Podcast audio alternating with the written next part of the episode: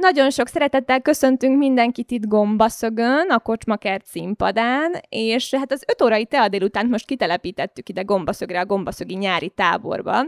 És azért jöttünk ide, hogy olyan érdekes, a felvidéki közéletben tevékenykedő tehetséges emberekkel beszéljünk, mint például Hostomski Fanni, akit most a Komáromi Jókai Színház színpadán láthatunk játszani, illetve a Trap színházi platform egyik oszlopos tagja. Szia Fanni, nagyon szépen köszönjük, hogy elfogadtad a meghívásunkat. Sziasztok, én is örülök, hogy beszélgethetek most veletek. Figyelj, először tegyük tisztába ezt a nevet, mert most azt mondtam, hogy Hostomski Fanni, de hogy mindenhol úgy szerepelsz, hogy hogy Hostomski Anna Fanni. Hogyan jött az Anna? Mert ott te nem vagy igazából Anna, ezt mi már egyszer megbeszéltük úgy öt évvel ezelőtt. Átadom addig a mikrofon. Igen, jó. Uh, igen, uh, az Annát uh, teljesen banális történet. Középsuliban kim voltunk haverokkal, és volt interneten ilyen kvíz, hogy melyik mentális betegség illik hozzád, és ki kellett tölteni, és nálam a skizofrénia jött ki, és mondtak, hogy milyen név tetszik neked? Mondom, az Anna, az nagyon tetszik. Jó, akkor írd ki Facebookra. És én így 16 éves fejem megírtam Facebookra, és mondom, de jó, de jó, vicces, és ki akartam törölni, és a Facebook kiírta, hogy 20 napig nem változtathatom meg és valahogy ott maradt. És azóta se változtattam meg, úgyhogy így maradtam fenn Facebookon, meg anyukám is mondta, hogy milyen jó ezt majd felnevetnéd, hogy milyen jó művésznév lenne. És így maradtam Anna Fanni, de tiszta vicces, mert egyetemen is volt, aki annázott, szóval meg így úgy ismertek meg Facebookra már az emberek, meg hogyha így írnak ki helyeken, akkor már nem zavar, sőt, egészen azonosultam vele, de, de igen, csak, csak Fanni vagyok amúgy. Uh-huh. Um, előbb már beszélgettünk, amikor ugye még itt a hangpróba volt, hogy uh, mostanában, ha látok róla egy képet a social médiában, akkor úgy mondtam is, hogy mondtam a barátnőmnek, hogy a Fanni úgy ragyog, hogy úgy érzem, hogy igen, ez egy, ez egy céltudatos színésznő, akit én látok az interneten, és egyszerűen tündökölsz az összes képen. Ez minek köszönhető? Te is úgy érzed, hogy azon az úton jársz, amelyiken járnod kell? Hát örülök, hogy így láttok, de amúgy igen, én is nagyon jól érzem magam most a bőrömben, és úgy érzem, hogy hát úgy külsőleg talán most nézek ki talán legjobban. Most hát úgy érzem azt, hogy jól, jól érzem magam ön, önmagammal, önmagamban, és igen, valószínűleg az is, hogy most már kicsit megállapodtam, vége van az egyetemnek, nem akkora a pörgés, egy helyen vagyok, lakást vettünk, úgyhogy most már letelepettem egy kicsit a munkában, és most már teljesen a színháznál vagyok, plusz a trepnél, úgyhogy kezd úgy ö, egyenesbe jönni az élet, vagy ilyen sírrel ráfutni, és akkor gondolom ez hozza ki belőlem, de remélem. Említetted a treppet, arról mesélsz nekünk egy kicsit, ugye ez egy színházi platform, egy független színházi platform, követlek benneteket az Instagramon, úgyhogy ott látok mindent, de picit kukancsunk be ott is a kulisszák mögé, hogy mi zajlik a trepben. Hát a trap ötlete az onnan jött, hogy az egyetemen voltunk öten magyar diákok, és arra gondoltunk, ha már ennyien vagyunk itt, akkor kéne valami hiánypótlót mm, megalkotni vagy csinálni, és nem akartunk semmiképpen színházat alakítani, mert az olyan úgy, úgy gondoltuk, hogy nem szeretnénk kőszínházként működni, hanem csak egy ilyen ernyőszervezet, talán, talán az a legjobb, ahol felvidéki magyar fiatalok, színházhoz közel álló fiatalok együtt alkothatnak, és így alakult meg a trap. Mert mm, azt hiszem, utóbbi 10-15 évben ilyen nem volt, hogy egyszerre 5 vagy 6 fiatal volt ugyanazon az egyetemen, nálunk a színművészeti egyetemen, akik mind uh, magyarok voltak, és így jött ez az ötlet. És azóta most csináljuk a második előadásunkat. Az első, ez az Ádámmal már volt tavaly, aminek a bemutatója még mindig, hát ilyen Covid veszély miatt állandóan tolódik, tolódik, tolódik. Úgyhogy, de reméljük, hogy most már szeptemberre végre nyilvánosan is bemutathatjuk, mert online már sugároztuk, csak rendes nyilvános bemutatónk nem volt, és a nyáron pedig készülünk egy ilyen tantermi előadással, az főleg középiskolásoknak, annak most fog kezdődni valamikor augusztusban a próba folyamata, és ugyanígy vagyunk benne öten, tagok a, a Hégli Bence, Melecski Kristóf, aki az osztálytársam volt, Szebellai Dani, Katona Eszti és Csikmák Kati, így vagyunk. Hatan, három fiú, három lány, igen, igen, hatan vagyunk. Egyetem előtt is ismertük egymást, igazából ezek nagyon-nagyon hosszú barátságok. 10-15 éve minimum ismerjük egymást, és két éve volt először, hogy együtt dolgoztunk a Jókai Színházban, a Hamleten. És Hamlet alatt jött ez, hogy hát igazából mi Pozsonyban is állandóan együtt vagyunk, úgyhogy kéne valamit csinálnunk, nem? És így jött a trap.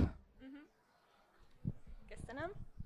Neked, mint színésznőnek van színésznő példaképed? És itt ugye arra is kitérnék, hogy neked édesapukád cseh származású, esetleg van külön cseh kedvenc színésznő, cseh származású kedvenc színésznőd, vagy magyar származású, vagy úgy általánosan külföldi kedvenc színésznőd?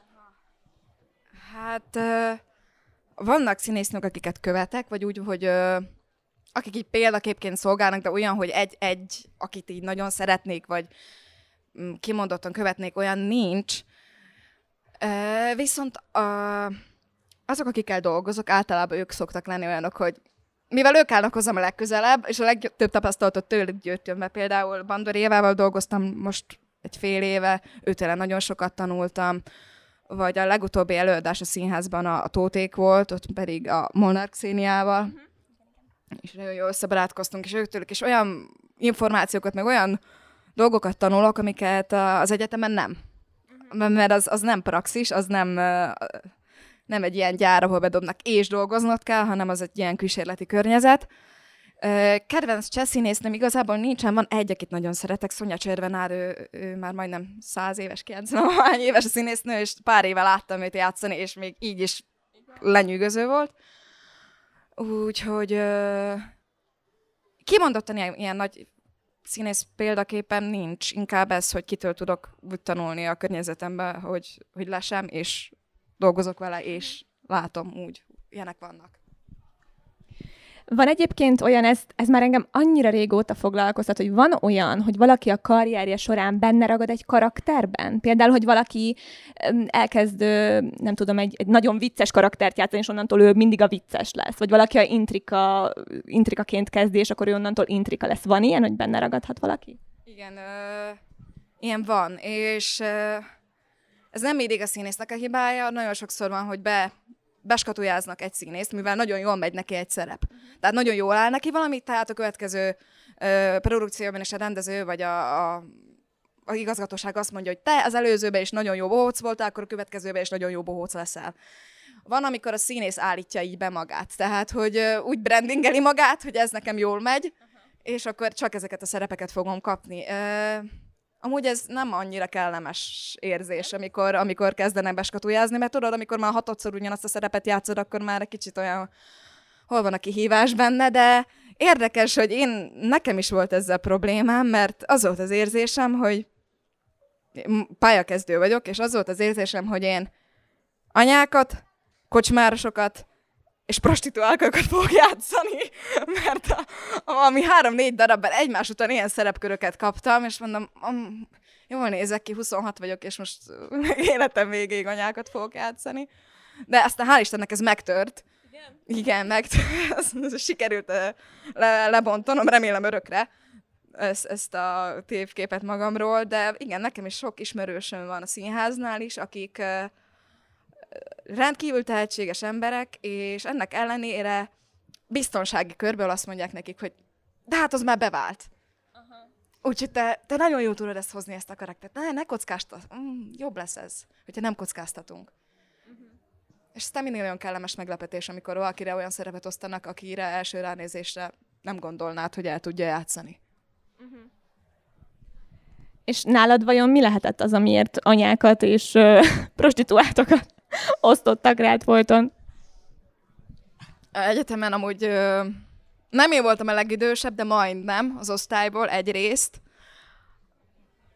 Másrészt gondolom, van ilyen kisvogárzásom, valami anyukás, pedig pedig nem, nem, nem, szeretem a gyerekeket, úgyhogy nem tudom miért, nem vagyok egy anyatípus, de ö, talán ezért, hogy a, valahogy a habitusom, vagy a kisugárzásom azt sugalta bennük, hogy, hogy egy anya szerep, és nem mondom, nem szerettem őket, mert szerettem ezeket a szerepeket is, csak amikor már nagyon sokszor játszod őket, akkor, akkor már olyan, hogy nagyon szeretnék egy kicsit mást is.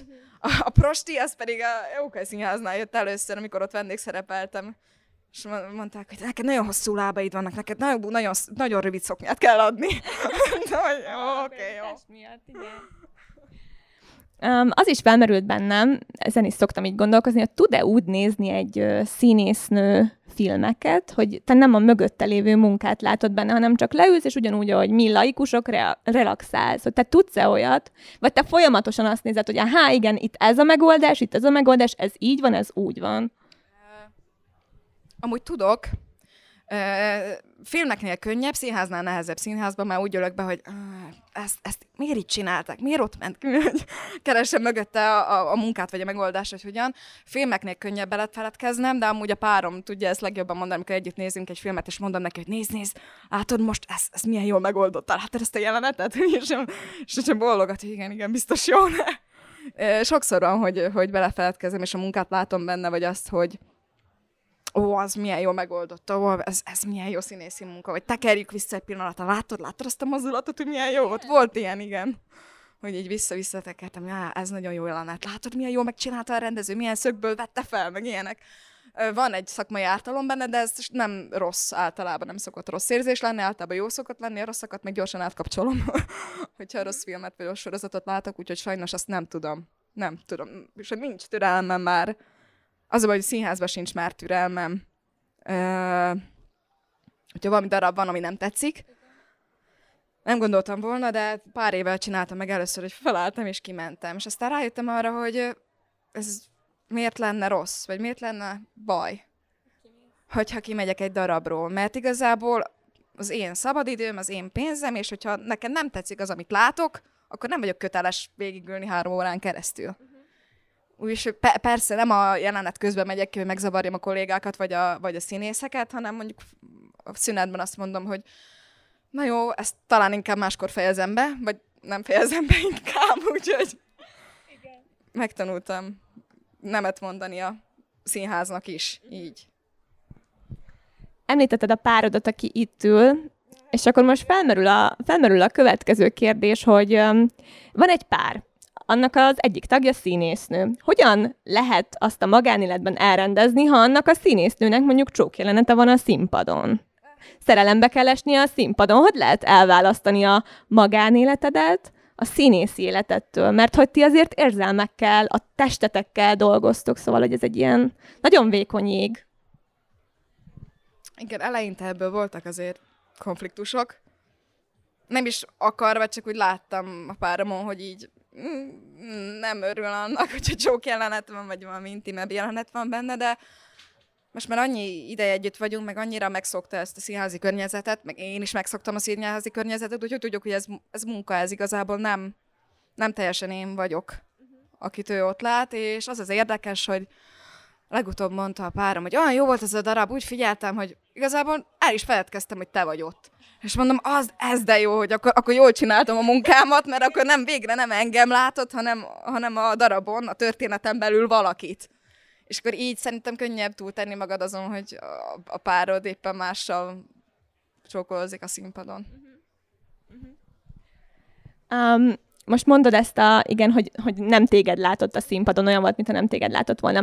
Van ez a method acting, amikor ugye a színészek direkt beleviszik az életükbe a, a karakterüket, hogy azáltal még hitelesebbé váljon a karakterük. Van olyan szerep, amiért mindent megtennél, hogy azonosulj vele, és, és akár nem tudom, ugyanúgy, mint Robert De Niro, aki a taxisofőr előtt taxisnak állt és taxizolt, akkor te is megtennéd, hogy oké, okay, akkor én most orvos játszok, akkor bemegyek a kórházba egy hétre, és akkor megfigyelem a, a betegeket, meg hogy ott milyen a munka. Van ilyen szerep, amiért ezt megtennéd? Hát most így hirtelen nem jut eszembe olyan szerep, de gondolom persze, hogyha ajánlanák egy filmet, akkor nem mondanék nem, hát persze, persze, megcsinálnám, de amúgy ez a method acting, ez olyan érdekes téma nálunk, hogy uh, ugye mondtad, hogy Robert De Niro taxisofőr, vagy a Christian Bale, aki leadott 40 kilót, majd felvett 40 kilót egy, egy szerep kedvéért, hogy ez tőlünk egy kicsit távol áll, mert ez tipikusan Amerikának a színjátszási formája, vagy az iskolája, amit ott, ott tanultak, de van olyan ismerősöm, színésznő, nem Komárami, aki azt mondja, hogy ő, ő annyira rá kell koncentrálni egy-egy premierre, hogy arra az egy hétre, amikor premier előtt van, a főpróba hétre elköltözik a családjától. Hogy kivesz egy szobát egy hotelben, vagy egy panzióban, vagy valami ismerősökhöz, csak azt, hogy ne legyen otthon a családjával, mert azon az egy héten olyan sok a konfliktus forrás, hogy se ő, se a családja nem bírja. Mert annyira bele van merülve a történetbe, annyira a munkában van benne, hogy, hogy csak az ő eredményeit rontaná, ha otthon maradna, és a családi légkört. Úgyhogy van, van azért ilyen, ilyen nyomokban megtalálható bennem is, hogy főpróba héten ingerültebb vagyok, és olyan nem vagyok eléggé szociális, vagy hogy akkor nem, nem szólok a páromhoz se, inkább elzárkozok a szobámba, vagy úgy elvonulok, de amúgy igen, vannak bizonyos keretek, amiken belül nagyon sok mindent egy színész hajlandó megtenni azért, hogy ő hitelesen eljátsza azt, amit, amit kérnek tőle. Most ez egy ilyen nagyon általános kérdésnek hangozhat, viszont rengeteg minden rejlik benne szerintem, hogy mi lehet a legnehezebb dolog a színész szakmában? Nem mindenki megy színésznek. Vajon mi lehet a ti legnehezebb dolgotok? Mm, hát most ugye megszólal belőlem a feminista. Szerintem, hát színésznőként nézek rá, az egyik legnehezebb az időbeosztás, mert hogy abnormális időben dolgozik a színész. Reggel 10-től délután 2-ig, majd este 6-tól 10-ig. Ez nálunk színházban a normális időbeosztás, és egy, mondjuk egy családanyának ez teljesen tönkreteszi a mindennapjait, vagy a családnak a rendes ö, időbeosztását. Ez az egy. A másik pedig, ami még nagyon nehéz szerintem, a színésznőknél, hogy a, a dráma irodalomnak a 90%-a az férfi központú. Egyrészt azért, mert az írók, hát a 21. század elejéig a drámaírók 90%-a férfi volt. És férfi szempontból írtak női karaktereket, ettől függetlenül van, van pár kivétel, és vannak nagyon-nagyon jó női karakterek is, de a többsége az általában ö, egysíkú, unalmas, vagy nagyon, nagyon egyszerűek a női, női karakterek, kevés a női karakter. Nagyon sok a színésznő, nagyon kevés a női szerep. Uh-huh. Színházakban is, az összes darabban, nagyon kevés olyan darabban, ahol kimondottan sok női szerep van. Ezért nagyon nagy a konkurencia, és nehéz helytállni egy ilyen kompetitív pályán. Szerintem ez, ez a kettő talán említetted a konkurenciát, akkor itt most meg is kérdezném, hogy mi a helyzet a színésznők közötti konkurálással? Ez nagyon-nagyon létező dolog, mert ugye egy szerepkedvéért, hú, hát eleve az életben is ö, rivalizálunk egymással, hát még akkor a színészberkeken belül. Mm, igen, a színészek azok alapból is nagyon érzékeny emberek, és nagyon impulzívak. Úgyhogy nem, nem kellemes annyira a rivalizálás. Hál' Istennek nekem annyira sok tapasztalatom ezzel nincs. Viszont azt nagyon érezni, hogyha visszatérek a drámairodalomra, a női szerepek, kettőfajta női szerep van, van a tizein éves naiva, a fiatal női szerep, és van később az anya vagy a nagyanya szerep. És a kettő között nincs semmi. Ott van 30 év, ami, amit nem tudunk lefedni. És ez szörnyű, hogyha egy színésznő elkezd idősödni, 30-40-es, már nem kaphatja meg a fiatal szerepeket, de még túl fiatal a nagyanya, és azért nagyon éretnő szerepekre, és ott nagyon sok színésznő van ebben a korban, és ott ott, ott azért vérre menő csaták szoktak menni, mert egyrészt elveszted azt a, azt a szerepkörödet, amit eddig játszottál, és még nem kapod meg az újat. És nem tudom, mi volt a kérdés, mire válaszoltam ezzel. Már elmentem Ezzel, ezzel válaszoltál is. Igen, igen, de hogy akkor mi történik ebben az intervallumban? Olyankor mondjuk játszatok férfi szerepeket, és például téged láttalak, azt hiszem pont az Ádám almáiban alakítottál fiút. Na és az milyen érzés, fiút játszani nőként, férfit játszani nőként? Az nagyon jó. nagyon jó, igen. Mm, nem, nem, ez amúgy típusfüggő, hogy, hogy hogyan osztanak rád férfi vagy női szerepeket. Szerintem nagy, nagyon jó érzés férfit játszani. Brutál jó, hogy teljesen más mozgáskultúrát, jelrendszert tanulsz meg vele, testtartást, És lehet, hogy első alkalommal talán, hogy férfit játszottam. Úgyhogy nem biztos, hogy jól sikerült, nem tudom. Remélem, hogy fogok még férfit játszani, őszintén szólva. De ö, hát mi van ezekkel a színésznőkkel? Minden egyes szerepér vére csatát vívnak az igazgatóságon, vagy a filmeknél. De nem, van, ezt ki lehet, ki lehet bírni, ki lehet bekkelni. Rengeteg olyan színésznő van, ismerősöm, akik pont ebben a korban vannak, és így is tündökölnek. Tehát Bandor Évánál kezdem például, aki azt hiszem pont 50 éves most, és élte a legjobb szerepeit játsza pont most. Még így ez jutott eszembe, hogy akkor, amikor fiút játszottál, nem volt ilyen method acting, hogy szóltál a párodnak, hogy hoz egy sört. Te ültél a kanapén, kigombolt nadrággal, és hogy hozzon egy sört. Mm, ilyen nem, de ez mondjuk egész érdekes, hogyha éppen próbálunk egy darabot, akkor a szövegkönyvnek a, a mondatait, vagy a, a beszéd stílust, amit a szövegkönyvben olvasok, azt egy ideig magamévá teszem. Tehát beépítem a mindennapi beszédbe, annélkül, hogy oda is oda ne figyelnék oda rá. Olyan kifejezések, amiket amúgy nem szoktam használni, hirtelen, hogy beépülnek a szóhasználatomban. Nem is tudom, múltkor volt a volt egy ilyen szó, hogy bárdolatlan és bárdolt. Aha. És valamiért elkezdtem minden napokban használni. Úgyhogy ez nálam ilyen általános jelenség, hogy így ez beépül. A, a fiú szerepnél pedig, hát ott hál' Istennek sok a férfi kollégám, és így volt ez a karakterles, hogy néztem, mit csinálnak, hogyan állnak, hogyan teszi a kezét, amúgy milyen a testtartása, úgyhogy ezt próbáltam. Ez is egy típusú method acting, hogy megfigyelem, és utána magamévá teszem a külső jelek alapján belsővé formálom. Igen, igen. Van kedvenc filmed? Aha. Uh, nincs. Nem. Uh, szerintem a filmekkel ugyanúgy vagyok, mint a zenével. Szóval, hogy amit gimibe szerettem, azt lehet, hogy most már nem szeretem. Uh-huh. És van nagyon sok filmem, amit szeretek, de kedvencem nincs. Talán uh, egy pár éve jött ki egy film, a Éjjeli féreg. Jake Gyllenhaal. Igen, a szakkoliba is vittem. Az, az egy olyan film, amit már évek óta így mondok, hogyha megkérdezik, hogy melyik a kedvencem, de lehet, hogy már nem is az. Aztán az utóbb tavaly kijött a Another Round. Mm, mi az magyarul? Uh, ilyen skandináv film, és uh, Mats Mikkelsen játsza a főszerepet. Még egy kört. Igen, igen, az.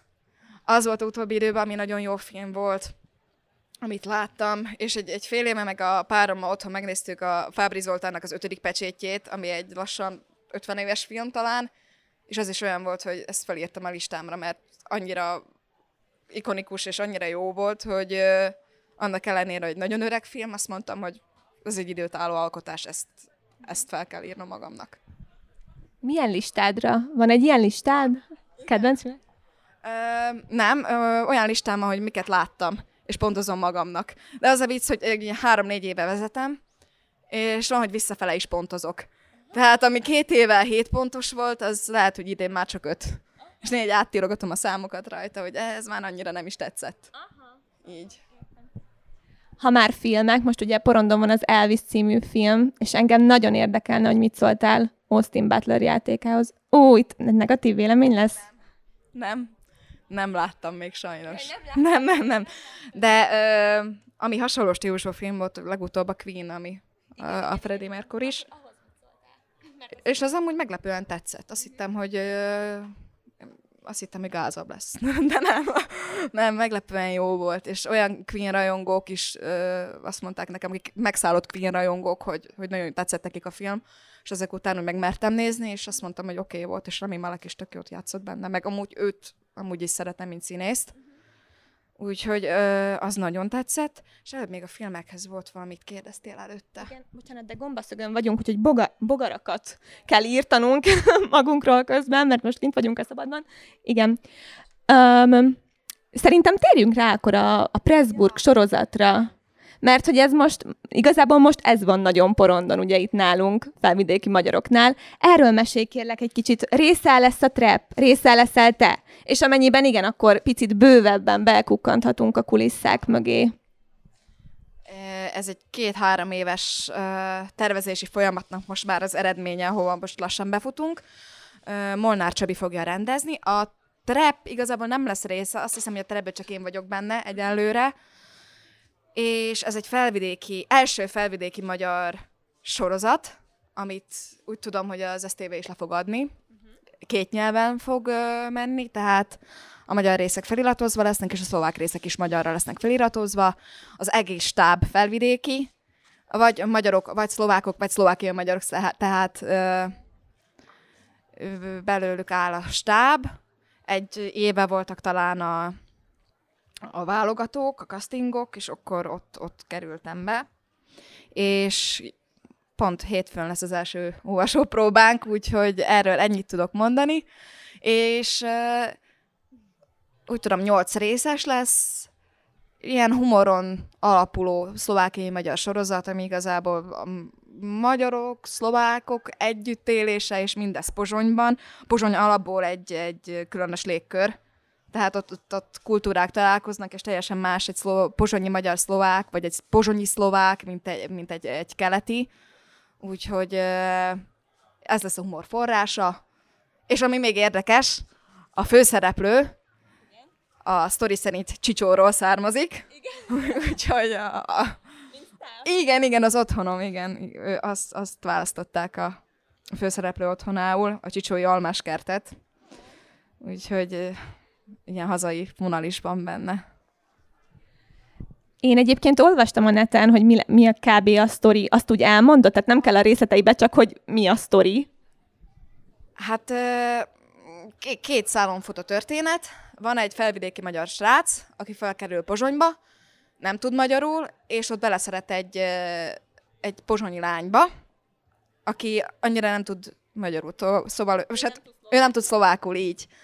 Igen, e van egy ilyen szerelmi szál benne, és van egy másik szál, az pedig a, a felvidéki betyárok szál, ami pedig a... Ö, felvidéki tábla, magyaros, kétnyelvű Szlovákia mozgalomnak a, az allegóriája, tehát a vasúti táblákat gerilla módon lecseréljük ö, magyarra, vagy felrakjuk a magyar feliratot ö, szál, és ő nekik a, a küzdésük mindennapjaik, egymás csapaton belüli konfliktusok, a joggal való konfliktusok, és a többi, és a többi. Ezzel nagyon óvatosan fogunk szerintem bánni, mert ez azért két élő fegyver, hogy egy pont egy ilyen érdekes témát választottunk, ami amúgy megtörtént, megtörtént események alapján íródott a szövegkönyv is, és közben azért próbáljuk megtalálni a sztorinak a humorát is, hogy, hogy ez mindenkit elérjen, és megérintsen valamilyen szinten. Mesélsz nekünk egy picit, engem annyira érdekel, hogy mi zajlik egy ilyen forgatáson, vagy mit várhatsz, valami, nem tudom, mondjuk egy napotok, hogy, hogy néz ki az olvasópróba, ez nagyon-nagyon érdekel engem. Meg remélem a többieket is. Mm, hát a forgatás az amúgy baromira unalmas. Reggel, kora reggel odamész, egy órát vársz, aztán átöltözöl, kisminkelnek, majd még egy órát vársz, majd utána beállsz, beállítják a fényeket, és ott állsz, és az még egy óra, aztán jön a hang, úgyhogy bedrótoznak, és akkor beszélsz, de még mindig nem forgatunk, és még mindig állítjuk a szögeket és a kamerát, és utána olyan három és fél négy óra múlva elkezdünk valamit, ami megvan tíz perc alatt, és utána megint csak várunk, amíg átállunk egy másik képre. Úgyhogy ez annyira nem csodálatos, mint amennyire gondolnád, hogy wow, forgatunk kamerák, és ne, mm, val- igazából ez egy nagyon durva várási folyamat, nagyon sok türelem kell hozzá, nagyon sok kávé. És, de érdekes, érdekes munka amúgy, mert az a 10 perc, annak meg tűpontosnak kell lennie. Um, van olyan, hogy bizonyos jeleneteket neked ugyanúgy meg kell csinálnod tűpontosan, mert hogy egy másik szögből felvesznek téged? Igen. Van ilyen? Igen, igen. Ö, pont egy két hete voltam egy ismerősömnek, zenekarjának ö, videoklipet forgattunk. És pont ez az egy nap volt, amikor nagyon rossz idő volt, nagyon hideg volt, de a, a klipnek az volt a leitmotíve, hogy a lány belegázol a Dunába. és ilyen 20 fokban kis ruhába bele kellett gázolnom a Dunába, És mondtam, jó, jó, rendben, megcsináltam egyszer, mondom, de jó, vége van. Nem, nem, még legalább három szögből fel kell vennünk. Úgyhogy egy jó másfél órán keresztül 20 fokban a jéghideg Dunába gázoltam. Van, van ilyen, hogy ugyanazt kell, ugyanazokat a mozdulatokat ö, pontosan bemenni egy vonalba, tehát hogy a kamera vonalába megyek be. Van ebben egy elég nagy ilyen koreográfiás munka is. Lehet már tudni, hogy kik lesznek még rajtad kívül a produkció szereplői? Elárulod? Igen, igen. A, a főszereplőket elárulhatom.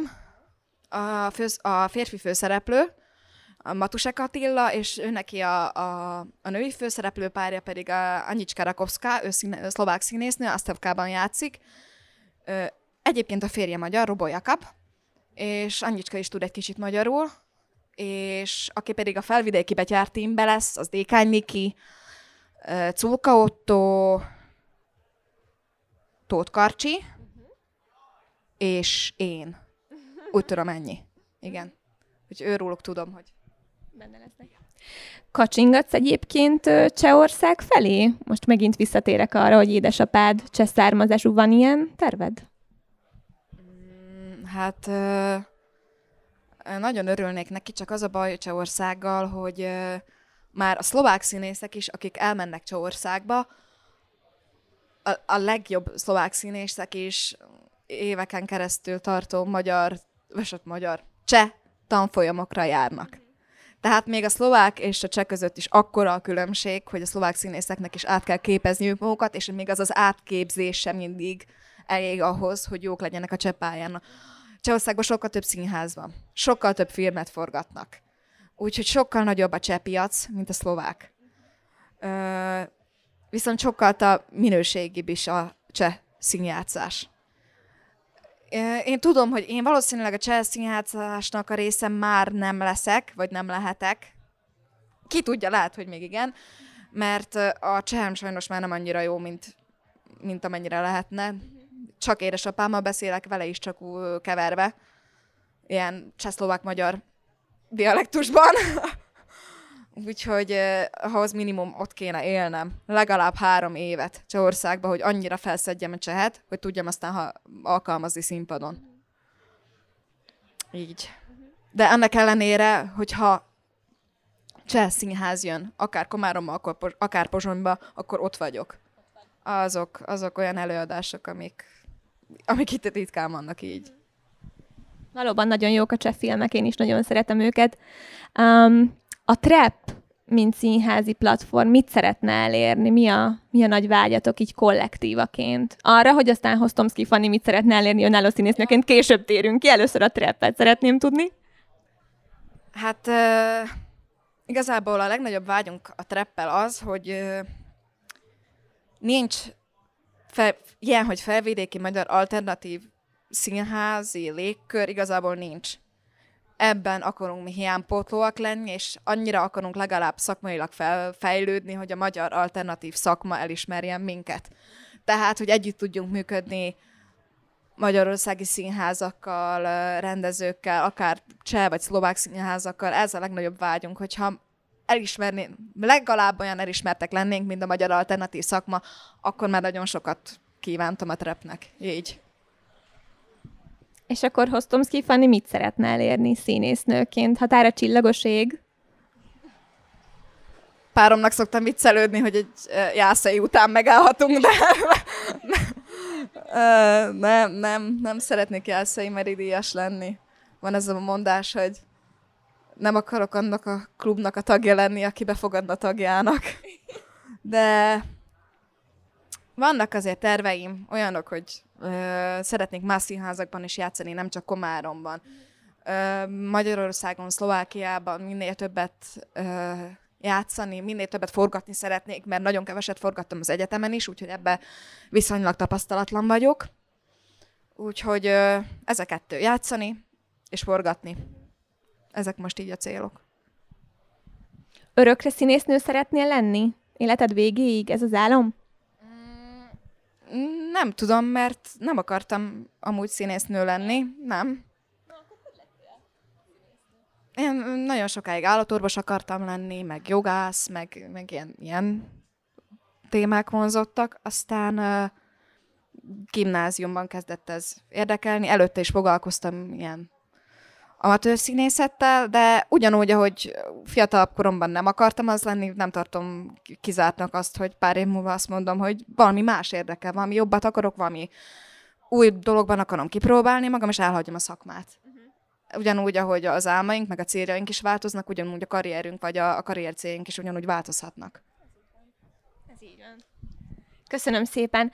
Esetleg azt hiszem, most már elkezdtünk ahhoz az időhöz, hogyha van valakinek kérdése, akkor felteheti Fanninak azt a kérdést. Nem? Nem, nem, szégyellősek vagyunk. Szeretném valamit kérdezni tőle. Fanni kérdezte a párját, hogy szeretne valamit kérdezni tőle. Rendben, akkor akkor megköszönjük mindenkinek, hogy itt voltatok, azoknak is, akik velünk tartottak a Kocsmakert színpadán, és azoknak is, akik velünk tartottak a képernyőn keresztül. Tegyenek így legközelebb is, és hogyha tetszett, akkor nyugodtan feliratkozhatnak YouTube csatornánkra. Viszontlátásra mindenkinek, szép nap volt, szia gombaszög! Sziasztok, szia gombaszög! Nagyon sok szeretettel köszöntünk mindenkit itt Gombaszögön, a Kocsmakert színpadán, és hát az öt órai tea délután most kitelepítettük ide Gombaszögre, a Gombaszögi nyári táborba. És azért jöttünk ide, hogy olyan érdekes, a felvidéki közéletben tevékenykedő tehetséges emberekkel beszéljünk, mint például Hostomski Fanni, akit most a Komáromi Jókai Színház színpadán láthatunk játszani, illetve a Trap színházi platform egyik oszlopos tagja. Szia Fanni, nagyon szépen köszönjük, hogy elfogadtad a meghívásunkat. Sziasztok, én is örülök, hogy beszélgethetek most veletek. Figyelj, először tegyük tisztába ezt a nevet, mert most azt mondtam, hogy Hostomski Fanni, de hogy mindenhol úgy szerepelsz, hogy hogy Hostomski Anna Fanni. Hogyan jött az Anna? Mert ott te nem vagy igazából Anna, ezt mi már egyszer megbeszéltük úgy öt évvel ezelőtt. Átadom addig a mikrofon. Igen, jó. Uh, igen, uh, az Annát uh, teljesen banális történet. Középsuliban kim voltunk haverokkal, és volt interneten ilyen kvíz, hogy melyik mentális betegség illik hozzád, és ki kellett tölteni, és nálam a skizofrénia jött ki, és mondtak, hogy milyen név tetszik neked. Mondom, az Anna, az nagyon tetszik. Jó, akkor írd ki Facebookra. És én így 16 éves fejem megírtam Facebookra, és mondom, de jó, de jó, vicces, és ki akartam törölni, és a Facebook kiírta, hogy 20 napig nem változtathatom meg és valahogy ott maradt. És azóta se változtattam meg, úgyhogy így maradtam fenn Facebookon, meg anyukám is mondta, hogy milyen jó ezt majd felnevetnéd, hogy milyen jó művésznév lenne. És így maradtam Anna Fanni, de tiszta vicces, mert egyetemen is volt, aki annázott, szóval meg így úgy ismertek meg Facebookra már az emberek, meg hogyha így írnak ki helyeken, akkor már nem zavar, sőt, egészen azonosultam vele, de, de igen, csak, csak Fanni vagyok amúgy. Uh-huh. Um, előbb már beszélgettünk, amikor ugye még itt a hangpróba volt, hogy uh, mostanában, ha látok róla egy képet a social médiában, akkor úgy mondtam is, hogy mondtam a barátnőmnek, hogy a Fanni úgy ragyog, hogy úgy érzem, hogy igen, ez egy, ez egy céltudatos színésznő, akit én látok az interneten, és egyszerűen tündökölsz az összes képen. Ez minek köszönhető? Te is úgy érzed, hogy azon az úton jársz, amelyiken járnod kell?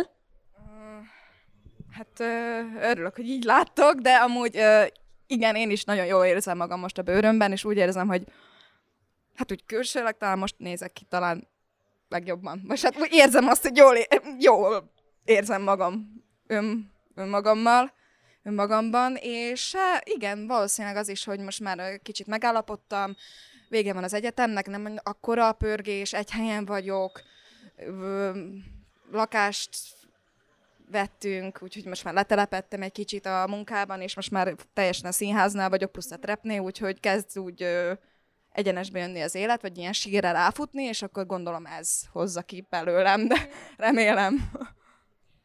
Említetted a treppet, arról mesélsz nekünk egy kicsit, ugye ez egy színházi platform, egy független színházi platform, követlek benneteket az Instagramon, úgyhogy ott látok mindent, de picit kukancsunk be ott is a kulisszák mögé, hogy mi zajlik a trepben.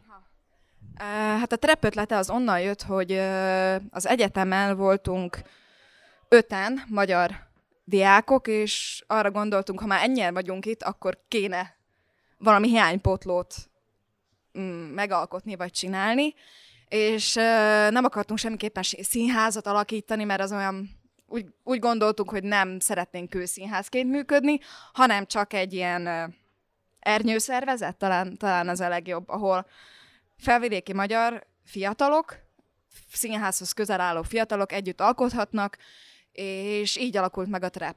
Mert mm, azt hiszem, utóbbi 10-15 évben ilyen nem volt, hogy egyszerre 5 vagy 6 fiatal volt ugyanazon az egyetemen, nálunk a színművészeti egyetemen, akik mind ö, magyarok voltak, és így jött ez az ötlet. És azóta most csináljuk a második előadásunkat. Az első, ez az Ádámmal már így volt tavaly, aminek a bemutatója még mindig, hát ilyen Covid veszély miatt állandóan tolódik, tolódik, tolódik. Úgyhogy, de reméljük, hogy most már szeptemberre végre nyilvánosan is bemutathatjuk, mert online már sugároztuk, csak rendes nyilvános bemutatónk nem volt, és a nyáron pedig készülünk egy ilyen tantermi előadással, az főleg középiskolásoknak, annak most fog kezdődni valamikor augusztusban a próba folyamata, és ugyanígy vagyunk benne öten, tagok a, a Hégli Bence, Melecski Kristóf, aki az osztálytársam volt, Szebellai Dani, Katona Eszti és Csikmák Kati, így vagyunk. Hatan, három fiú, három lány, igen, igen, hatan vagyunk. Egyetem előtt is ismertük egymást, igazából ezek nagyon-nagyon hosszú barátságok. 10-15 éve minimum ismerjük egymást, és két éve volt először, hogy együtt dolgoztunk a Jókai Színházban, a Hamleten. És Hamlet alatt jött ez, hogy hát igazából mi Pozsonyban is állandóan együtt vagyunk, úgyhogy kéne valamit csinálnunk, nem? És így jött a trap. Köszönöm. Neked, mint színésznőnek van színésznő példaképed? És itt ugye arra is kitérnék, hogy neked édesapukád cseh származású, esetleg van külön cseh kedvenc színésznő, cseh származású kedvenc színésznőd, vagy magyar származású, vagy úgy általánosan külföldi kedvenc színésznőd? Hát vannak színésznők, akiket követek, vagy úgy, hogy ö, akik így példaképként szolgálnak, de olyan, hogy egy-egy, akit így nagyon szeretnék, vagy mm, kimondottan követnék, olyan nincs. Ö, viszont a, azok, akikkel dolgozok, általában ők szoktak lenni olyanok, hogy mivel ők állnak hozzám a legközelebb, és a legtöbb tapasztalatot tőlük gyűjtöm, mert például Bandor Évával dolgoztam most egy fél éve, őtőle nagyon sokat tanultam, vagy a legutóbbi előadás a színházban a, a Tóték volt, ott pedig a Molnár Xéniával, uh-huh. és nagyon jól összebarátkoztunk, és őktől is olyan információkat, meg olyan dolgokat tanulok, amiket az egyetemen nem. Uh-huh. Mert az, az nem praxis, az nem, nem egy ilyen gyár, ahol bedobnak és dolgoznod kell, hanem az egy ilyen kísérleti környezet. Kedvenc cseszínésznőm igazából nincsen, van egy, akit nagyon szeretek, Szonya Cservenár, ő, ő már majdnem száz éves, 90 hány éves a színésznő, és pár éve láttam őt játszani, és még így is lenyűgöző volt. Úgyhogy kimondottan ilyen, ilyen nagy színész példaképpen nincs, inkább ez, hogy kitől tudok úgy tanulni a környezetemben, hogy, hogy lesem, és dolgozok vele, és látom úgy. Ilyenek vannak. Van egyébként olyan, ez, ez már engem annyira régóta foglalkoztat, hogy van olyan, hogy valaki a karrierje során benne ragad egy karakterben? Például, hogy valaki elkezd, nem tudom, egy, egy nagyon vicces karaktert játszani, és onnantól ő mindig a vicces lesz. Vagy valaki a intrika, intrikaként kezdi, és akkor ő onnantól intrika lesz. Van ilyen, hogy benne ragadhat valaki? Igen, ö, ilyen van, és ö, ez nem mindig a színésznek a hibája, nagyon sokszor van, hogy be beskatujáznak egy színészt, mivel nagyon jól megy neki egy szerep. Tehát nagyon jól áll neki valami, tehát a következő ö, produkcióban is a rendező vagy a, a a igazgatóság azt mondja, hogy te az előzőben is nagyon jó bohóc voltál, akkor a következőben is nagyon jó bohóc leszel. Van, amikor a színész állítja így be magát, tehát, hogy úgy brandingeli magát, hogy ez nekem jól megy, és akkor csak ezeket a szerepeket fogom kapni. Amúgy ez nem annyira kellemes érzés, amikor, amikor kezdenek beskatujázni, mert tudod, amikor már hatodszor ugyanazt a szerepet játszod, akkor már egy kicsit olyan, hol van a kihívás benne, de érdekes, hogy én, nekem is volt ezzel problémám, mert az volt az érzésem, hogy pályakezdő vagyok, és az volt az érzésem, hogy én anyákat, kocsmárosokat, és prostituálkokat fog játszani, mert a, a, valami három-négy darabban egymás után ilyen szerepköröket kaptam, és mondom, um, jól nézek ki, 26 vagyok, és most életem végéig anyákat fogok játszani. De aztán hál' Istennek ez megtört. Igen, Igen megtört. sikerült le, lebontanom, remélem örökre ezt, ezt a tévképet magamról, de igen, nekem is sok ismerősöm van a színháznál is, akik rendkívül tehetséges emberek, és ennek ellenére biztonsági körből azt mondják nekik, hogy de hát az már bevált. Úgyhogy te, te nagyon jó tudod ezt hozni, ezt a karaktert. Ne, ne kockáztat. Mm, jobb lesz ez, hogyha nem kockáztatunk. Uh-huh. És ez mindig nagyon kellemes meglepetés, amikor valakire olyan szerepet osztanak, akire első ránézésre nem gondolnád, hogy el tudja játszani. Uh-huh. És nálad vajon mi lehetett az, amiért anyákat és ö, prostituáltokat osztottak rád folyton? Egyetemen amúgy ö, nem én voltam a legidősebb, de majdnem az osztályból egyrészt. Másrészt gondolom, van ilyen kisvogárzásom, valami anyukás, pedig pedig nem, nem, nem, szeretem a gyerekeket, úgyhogy nem tudom miért, úgyhogy nem vagyok egy anyatípus, de ö, talán ezért, hogy a, valahogy a habitusom, vagy a kisugárzásom azt sugalta bennük, hogy, hogy egy anya szerep, és nem mondom, nem szerettem őket, mert szerettem ezeket a szerepeket is, csak amikor már nagyon sokszor játszod őket, akkor, akkor már olyan, hogy nagyon szeretnék egy kicsit mást is. A, a prosti, az pedig a Jókai Színháznál jött először, amikor ott vendégszerepeltem. És mondták, hogy neked nagyon hosszú lábaid vannak, neked nagyon, nagyon, nagyon rövid szoknyát kell adni. jó, oké, jó. Miatt, igen. Um, az is felmerült bennem, ezen is szoktam így gondolkozni, hogy tud-e úgy nézni egy uh, színésznő filmeket, hogy te nem a mögötte lévő munkát látod benne, hanem csak leülsz, és ugyanúgy, ahogy mi laikusok, re- relaxálsz. Hogy te tudsz-e olyat, vagy te folyamatosan azt nézed, hogy há, igen, itt ez a megoldás, itt ez a megoldás, ez így van, ez úgy van. Amúgy tudok, filmeknél könnyebb, színháznál nehezebb színházban, már úgy ülök be, hogy ezt, ezt miért így csinálták, miért ott ment hogy keresem mögötte a, a, a munkát, vagy a megoldást, hogy hogyan. Filmeknél könnyebb belet feledkeznem, de amúgy a párom tudja ezt legjobban mondani, amikor együtt nézünk egy filmet, és mondom neki, hogy nézd, nézd, látod most, ez, ez milyen jól megoldottál, látod ezt a jelenetet? És sem, sem bólogat, hogy igen, igen, biztos jó. Sokszor van, hogy, hogy belefeledkezem, és a munkát látom benne, vagy azt, hogy, ó, az milyen jó megoldotta, ó, ez, ez milyen jó színészi munka, vagy tekerjük vissza egy pillanatra, látod, látod azt a mozdulatot, hogy milyen jó volt? Volt ilyen, igen. Hogy így vissza-vissza tekertem, já, ez nagyon jó jelenet, látod, milyen jó megcsinálta a rendező, milyen szögből vette fel, meg ilyenek. Van egy szakmai ártalom benne, de ez nem rossz általában, nem szokott rossz érzés lenni, általában jó szokott lenni, a rosszakat meg gyorsan átkapcsolom, hogyha rossz filmet vagy rossz sorozatot látok, úgyhogy sajnos azt nem tudom. Nem tudom, és nincs türelmem már az a baj, hogy színházban sincs már türelmem. Uh, hogyha valami darab van, ami nem tetszik.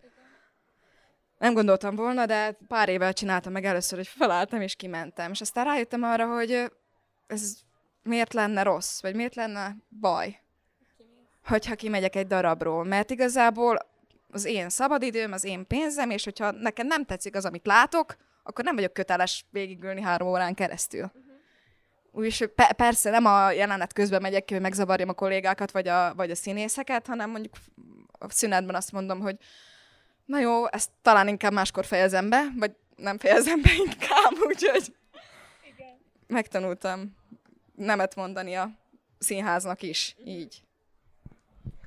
Említetted a párodat, aki itt ül, és akkor most felmerül a, felmerül a következő kérdés, hogy um, van egy pár, annak az egyik tagja színésznő. Hogyan lehet azt a magánéletben elrendezni, ha annak a színésznőnek mondjuk csókjelenete van a színpadon?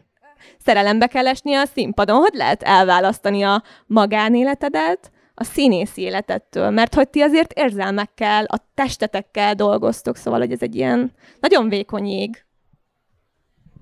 Igen, eleinte ebből voltak azért konfliktusok. Nem is akarva, csak úgy láttam a páramon, hogy így nem örül annak, hogyha csók jelenet van, vagy valami intimebb jelenet van benne, de most már annyi ideje együtt vagyunk, meg annyira megszokta ezt a színházi környezetet, meg én is megszoktam a színházi környezetet, úgyhogy tudjuk, hogy ez, ez munka, ez igazából nem, nem teljesen én vagyok, akit ő ott lát, és az az érdekes, hogy legutóbb mondta a párom, hogy olyan jó volt ez a darab, úgy figyeltem, hogy igazából el is feledkeztem, hogy te vagy ott. És mondom, az, ez de jó, hogy akkor, akkor jól csináltam a munkámat, mert akkor nem végre nem engem látott, hanem, hanem a darabon, a történeten belül valakit. És akkor így szerintem könnyebb túltenni magad azon, hogy a, a párod éppen mással csókolózik a színpadon. Um, most mondod ezt a, igen, hogy, hogy nem téged látott a színpadon, olyan volt, mintha nem téged látott volna.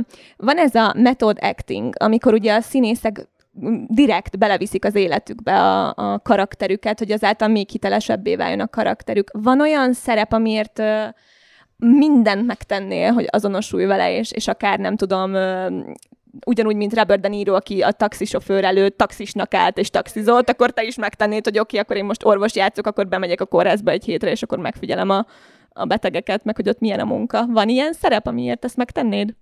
Hát most így hirtelen nem jut eszembe olyan szerep, de gondolom persze, hogyha ajánlanák egy filmet, akkor nem mondanék nem, hát persze, persze, megcsinálnám, de amúgy ez a method acting, ez olyan érdekes téma nálunk, hogy ugye mondtad, hogy Robert De Niro taxisofőr, vagy a Christian Bale, aki leadott 40 kilót, majd felvett 40 kilót egy, egy szerep kedvéért, hogy ez tőlünk egy kicsit távol áll, mert ez tipikusan Amerikának a színjátszási formája, vagy az iskolája, amit ott, ott tanultak, de van olyan ismerősöm, színésznő, nem Komárami, aki azt mondja, hogy ő, ő annyira rá kell koncentrálni egy-egy premierre, hogy arra az egy hétre, amikor premier előtt van, a főpróba hétre elköltözik a családjától hogy kivesz egy szobát egy hotelben, vagy egy panzióban, vagy valami ismerősökhöz, csak azt, hogy ne legyen otthon a családjával, mert azon az egy héten olyan sok a konfliktus forrás,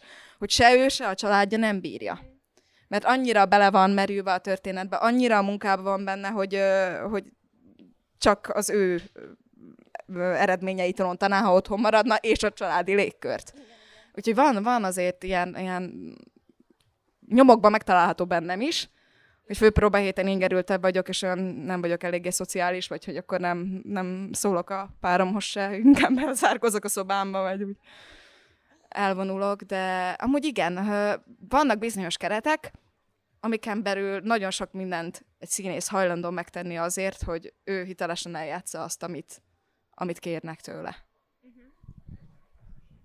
Most ez egy ilyen nagyon általános kérdésnek hangozhat, viszont rengeteg minden rejlik benne szerintem, hogy mi lehet a legnehezebb dolog a színész szakmában. Nem mindenki megy színésznek. Vajon mi lehet a ti legnehezebb dolgotok? Mm, hát most ugye megszólal belőlem a feminista.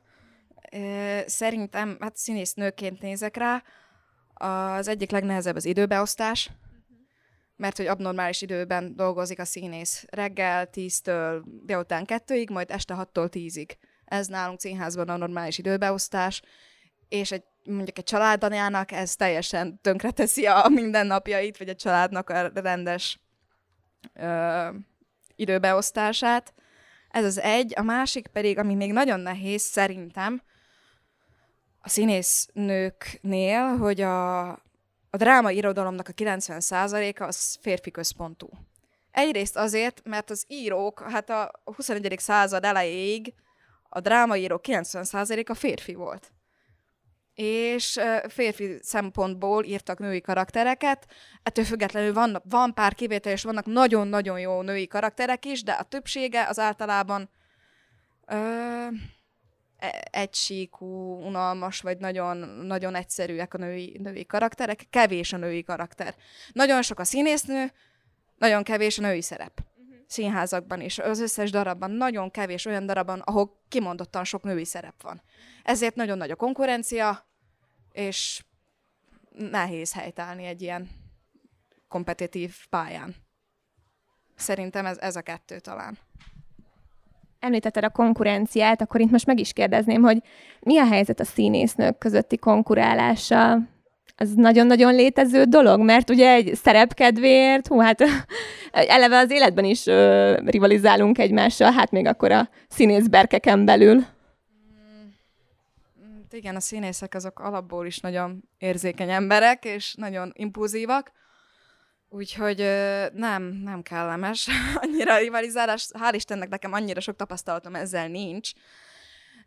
Viszont azt nagyon érezni, hogyha visszatérek a drámairodalomra, a női szerepek, kettőfajta női szerep van, van a tizein éves naiva, a fiatal női szerep, és van később az anya vagy a nagyanya szerep. És a kettő között nincs semmi.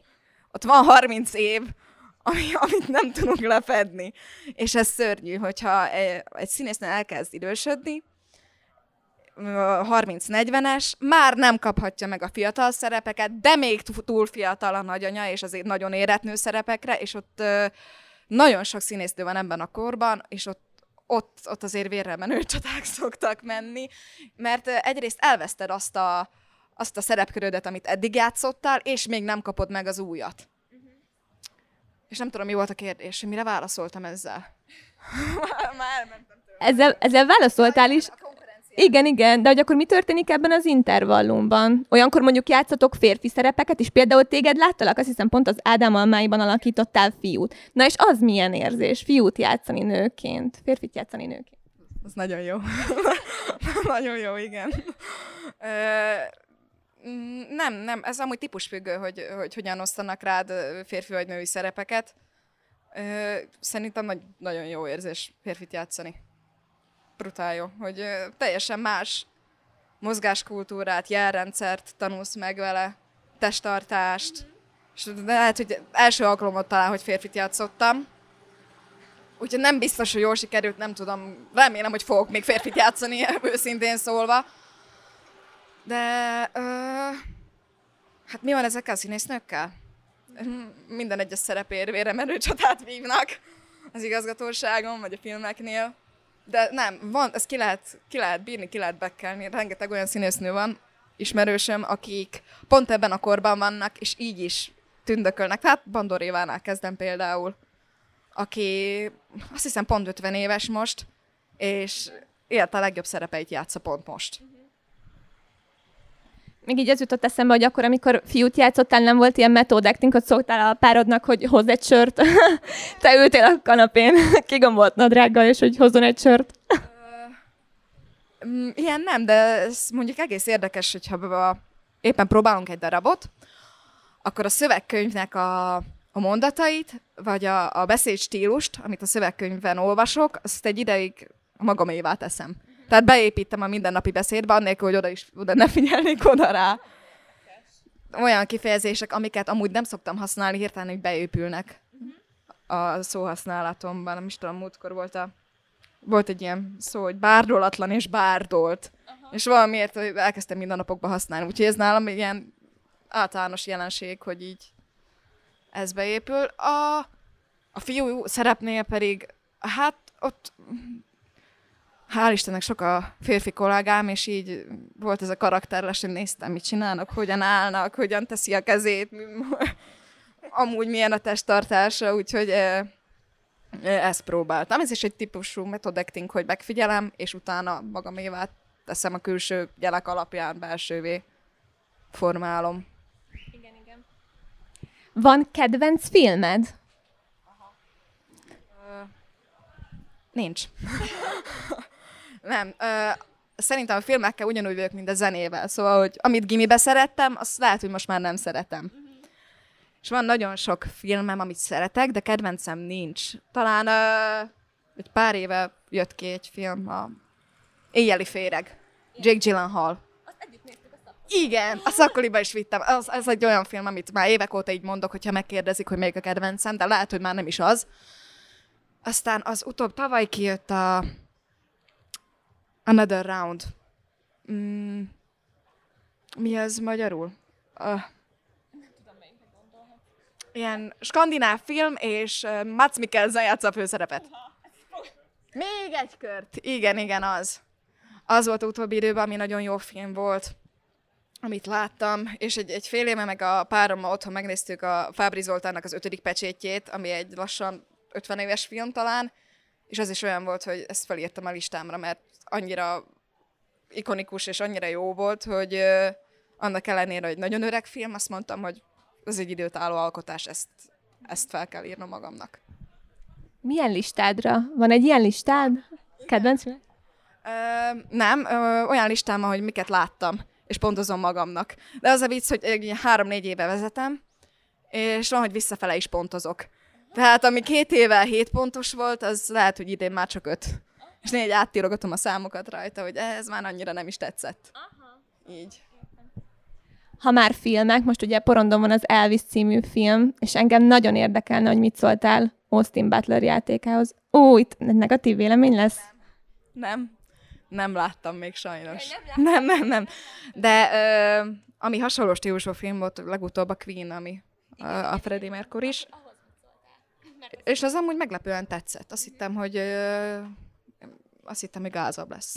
De nem, nem, meglepően jó volt. És olyan Queen rajongók is ö, azt mondták nekem, akik megszállott Queen rajongók, hogy, hogy nagyon tetszett nekik a film, és ezek után hogy megmertem nézni, és azt mondtam, hogy oké okay volt, és Rami Malek is tök jót játszott benne, meg amúgy őt amúgy is szeretem, mint színészt. Úgyhogy ö, az nagyon tetszett, és előbb még a filmekhez volt valamit kérdeztél előtte. Igen, bocsánat, de gombaszögön vagyunk, úgyhogy boga, bogarakat kell írtanunk magunkról közben, mert most kint vagyunk a szabadban. Igen. Um, szerintem térjünk rá akkor a, a Pressburg sorozatra. Mert hogy ez most, igazából most ez van nagyon porondon, ugye itt nálunk, felvidéki magyaroknál. Erről mesélj kérlek egy kicsit. Része lesz a trap, része leszel te. És amennyiben igen, akkor picit bővebben belkukkanthatunk a kulisszák mögé. Ez egy két-három éves tervezési folyamatnak most már az eredménye, ahova most lassan befutunk. Molnár Csabi fogja rendezni. A trap igazából nem lesz része, azt hiszem, hogy a trapbe csak én vagyok benne egyelőre és ez egy felvidéki, első felvidéki magyar sorozat, amit úgy tudom, hogy az STV is le fog adni. Két nyelven fog ö, menni, tehát a magyar részek feliratozva lesznek, és a szlovák részek is magyarra lesznek feliratozva. Az egész stáb felvidéki, vagy magyarok, vagy szlovákok, vagy szlovákiai magyarok, tehát ö, belőlük áll a stáb. Egy éve voltak talán a a válogatók, a castingok, és akkor ott, ott kerültem be. És pont hétfőn lesz az első olvasó próbánk, úgyhogy erről ennyit tudok mondani. És úgy tudom, nyolc részes lesz, ilyen humoron alapuló szlovákiai magyar sorozat, ami igazából a magyarok, szlovákok együttélése, és mindez Pozsonyban. Pozsony alapból egy, egy különös légkör, tehát ott, ott, ott kultúrák találkoznak, és teljesen más egy szló, pozsonyi magyar szlovák, vagy egy pozsonyi szlovák, mint egy, mint egy, egy keleti. Úgyhogy ez lesz a humor forrása. És ami még érdekes, a főszereplő a sztori szerint Csicsóról származik. Igen. Úgyhogy a, a, igen, igen, az otthonom, igen. Azt, azt választották a főszereplő otthonául, a Csicsói almáskertet. Úgyhogy ilyen hazai vonal is van benne. Én egyébként olvastam a neten, hogy mi, mi a kb. a sztori. Azt úgy elmondott, tehát nem kell a részleteibe, csak hogy mi a sztori. Hát két szálon fut a történet. Van egy felvidéki magyar srác, aki felkerül Pozsonyba, nem tud magyarul, és ott beleszeret egy, egy pozsonyi lányba, aki annyira nem tud magyarul, szóval hát, ő nem tud szlovákul így. Igen, e van egy ilyen szerelmi szál benne, és van egy másik szál, az pedig a, a felvidéki betyárok szál, ami pedig a ö, felvidéki tábla, magyaros, kétnyelvű Szlovákia mozgalomnak a, az allegóriája. Tehát a vasúti táblákat gerilla módon lecseréljük ö, magyarra, vagy felrakjuk a magyar feliratot ö, szál, és ő nekik a, a küzdésük mindennapjaik, egymás csapaton belüli konfliktusok, a joggal való konfliktusok, és a többi, és a többi. Ezzel nagyon óvatosan fogunk szerintem bánni, mert ez azért két élő fegyver, hogy egy pont egy ilyen érdekes témát választottunk, ami amúgy megtörtént, megtörtént események alapján íródott a szövegkönyv is, és közben azért próbáljuk megtalálni a sztorinak a humorát is, hogy, hogy ez mindenkit elérjen, és megérintsen valamilyen szinten. Mesélsz nekünk egy picit, engem annyira érdekel, hogy mi zajlik egy ilyen forgatáson, vagy mit várhatsz, valami, nem tudom, mondjuk egy napotok, hogy, hogy néz ki az olvasópróba, ez nagyon-nagyon érdekel engem. Meg remélem a többieket is. Mm, hát a forgatás az amúgy baromira unalmas. Reggel, kora reggel odamész, egy órát vársz, aztán átöltözöl, kisminkelnek, majd még egy órát vársz, majd utána beállsz, beállítják a fényeket, és ott állsz, és az még egy óra, aztán jön a hang, úgyhogy bedrótoznák, és akkor beszélsz, de még mindig nem forgatunk, és még mindig állítjuk a szögeket és a kamerát, és utána olyan három és fél négy óra múlva elkezdünk valamit, ami megvan 10 perc alatt, és utána megint csak várunk, amíg átállunk egy másik képre. Úgyhogy ez annyira nem csodálatos, mint amennyire gondolnád, hogy wow, forgatunk kamerák, és ne, mm, igazából ez egy nagyon durva várási folyamat, nagyon sok türelem kell hozzá, nagyon sok kávé. És, de érdekes, érdekes munka amúgy, mert az a 10 perc, annak meg tűpontosnak kell lennie. Um, van olyan, hogy bizonyos jeleneteket neked ugyanúgy meg kell csinálnod tűpontosan, mert hogy egy másik szögből felvesznek téged? Igen. Van ilyen? Igen, igen. Pont egy két hete voltam egy ismerősömnek zenekarjának videoklipet forgattunk. És pont ez az egy nap volt, amikor nagyon rossz idő volt, nagyon hideg volt, de a, a klipnek az volt a leitmotíve, hogy a lány belegázol a Dunába. és ilyen 20 fokban, kis ruhába bele kellett gázolnom a Dunába, és mondtam, jó, jó, rendben, megcsináltam egyszer, mondom, de jó, vége van. Nem, nem, még legalább három szögből fel kell vennünk. Úgyhogy egy jó másfél órán keresztül 20 fokban a jéghideg Dunába gázoltam. Van, van ilyen, hogy ugyanazt kell, ugyanazokat a mozdulatokat ö, pontosan bemenni egy vonalba, tehát hogy a kamera vonalába megyek be. Van ebben egy elég nagy ilyen koreográfiás munka is. Lehet már tudni, hogy kik lesznek még rajtad kívül a produkció szereplői? Elárulod? Igen, igen. A, a főszereplőket elárulhatom a, fősz, a férfi főszereplő, a Matusek Attila, és ő neki a, a, a női főszereplő párja pedig a Anyicska Rakovská, ő színe, szlovák színésznő, Asztevkában játszik. Ö, egyébként a férje magyar, Robo Jakab, és Anyicska is tud egy kicsit magyarul, és aki pedig a felvidéki betyár teambe lesz, az Dékány Niki, Culka Otto, Tóth Karcsi, uh-huh. és én. Úgy tudom, ennyi. Igen. Hogy őróluk tudom, hogy benne lesznek. Kacsingatsz egyébként Csehország felé? Most megint visszatérek arra, hogy édesapád cseh származású. Van ilyen terved? Mm, hát nagyon örülnék neki, csak az a baj Csehországgal, hogy már a szlovák színészek is, akik elmennek Csehországba, a, a legjobb szlovák színészek is éveken keresztül tartó magyar vagy ott magyar, cseh tanfolyamokra járnak. Tehát még a szlovák és a cseh között is akkora a különbség, hogy a szlovák színészeknek is át kell képezniük magukat, és még az az átképzés sem mindig elég ahhoz, hogy jók legyenek a cseh pályán. Csehországban sokkal több színház van, sokkal több filmet forgatnak. Úgyhogy sokkal nagyobb a cseh piac, mint a szlovák. Ö, viszont sokkal a minőségibb is a cseh színjátszás. Én tudom, hogy én valószínűleg a Chelsea játszásnak a része már nem leszek, vagy nem lehetek. Ki tudja, lehet, hogy még igen, mert a csehem sajnos már nem annyira jó, mint, mint amennyire lehetne. Csak édesapámmal beszélek, vele is csak keverve. Ilyen csehszlovák-magyar dialektusban.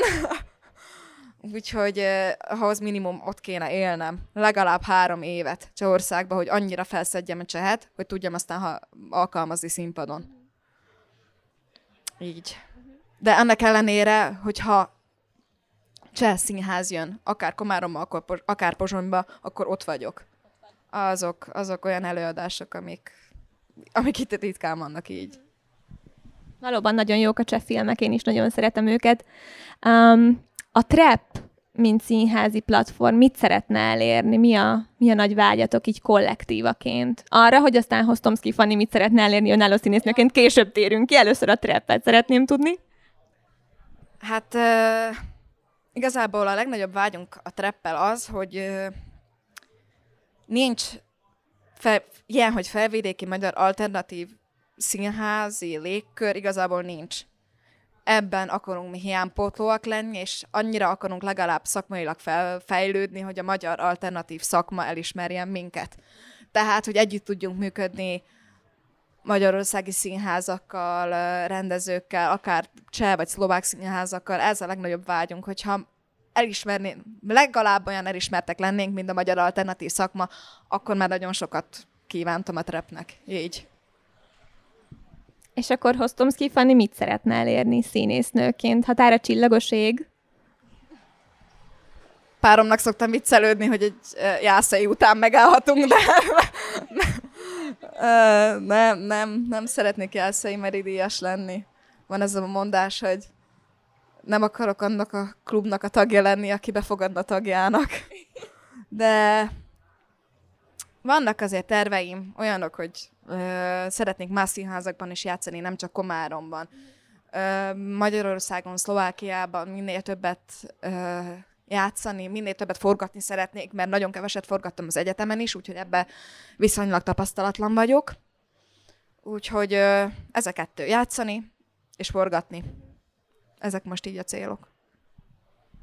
Örökre színésznő szeretnél lenni? Életed végéig? Ez az álom? Nem tudom, mert nem akartam amúgy színésznő lenni, nem. Én nagyon sokáig állatorvos akartam lenni, meg jogász, meg, meg ilyen, ilyen témák vonzottak. Aztán uh, gimnáziumban kezdett ez érdekelni. Előtte is foglalkoztam ilyen amatőr színészettel, de ugyanúgy, ahogy fiatalabb koromban nem akartam az lenni, nem tartom kizártnak azt, hogy pár év múlva azt mondom, hogy valami más érdekel, valami jobbat akarok, valami új dologban akarom kipróbálni magam, és elhagyom a szakmát. Uh-huh. Ugyanúgy, ahogy az álmaink, meg a céljaink is változnak, ugyanúgy a karrierünk, vagy a, a karrier céljaink is ugyanúgy változhatnak. Ez így van. Köszönöm szépen. Esetleg azt hiszem, most már elkezdtünk ahhoz az időhöz, hogyha van valakinek kérdése, akkor felteheti Fanninak azt a kérdést. Nem? Nem, nem, szégyellősek vagyunk. Szeretnél valamit kérdezni tőle? Fanni kérdezte a párját, hogy szeretne valamit kérdezni tőle. Rendben, akkor akkor megköszönjük mindenkinek, hogy itt voltatok, azoknak is, akik velünk tartottak a Kocsmakert színpadán, és azoknak is, akik velünk tartottak a képernyőn keresztül. Tegyenek így legközelebb is, és hogyha tetszett, akkor nyugodtan feliratkozhatnak YouTube csatornánkra. Viszontlátásra mindenkinek, szép nap volt, szia gombaszög! Sziasztok, szia gombaszög!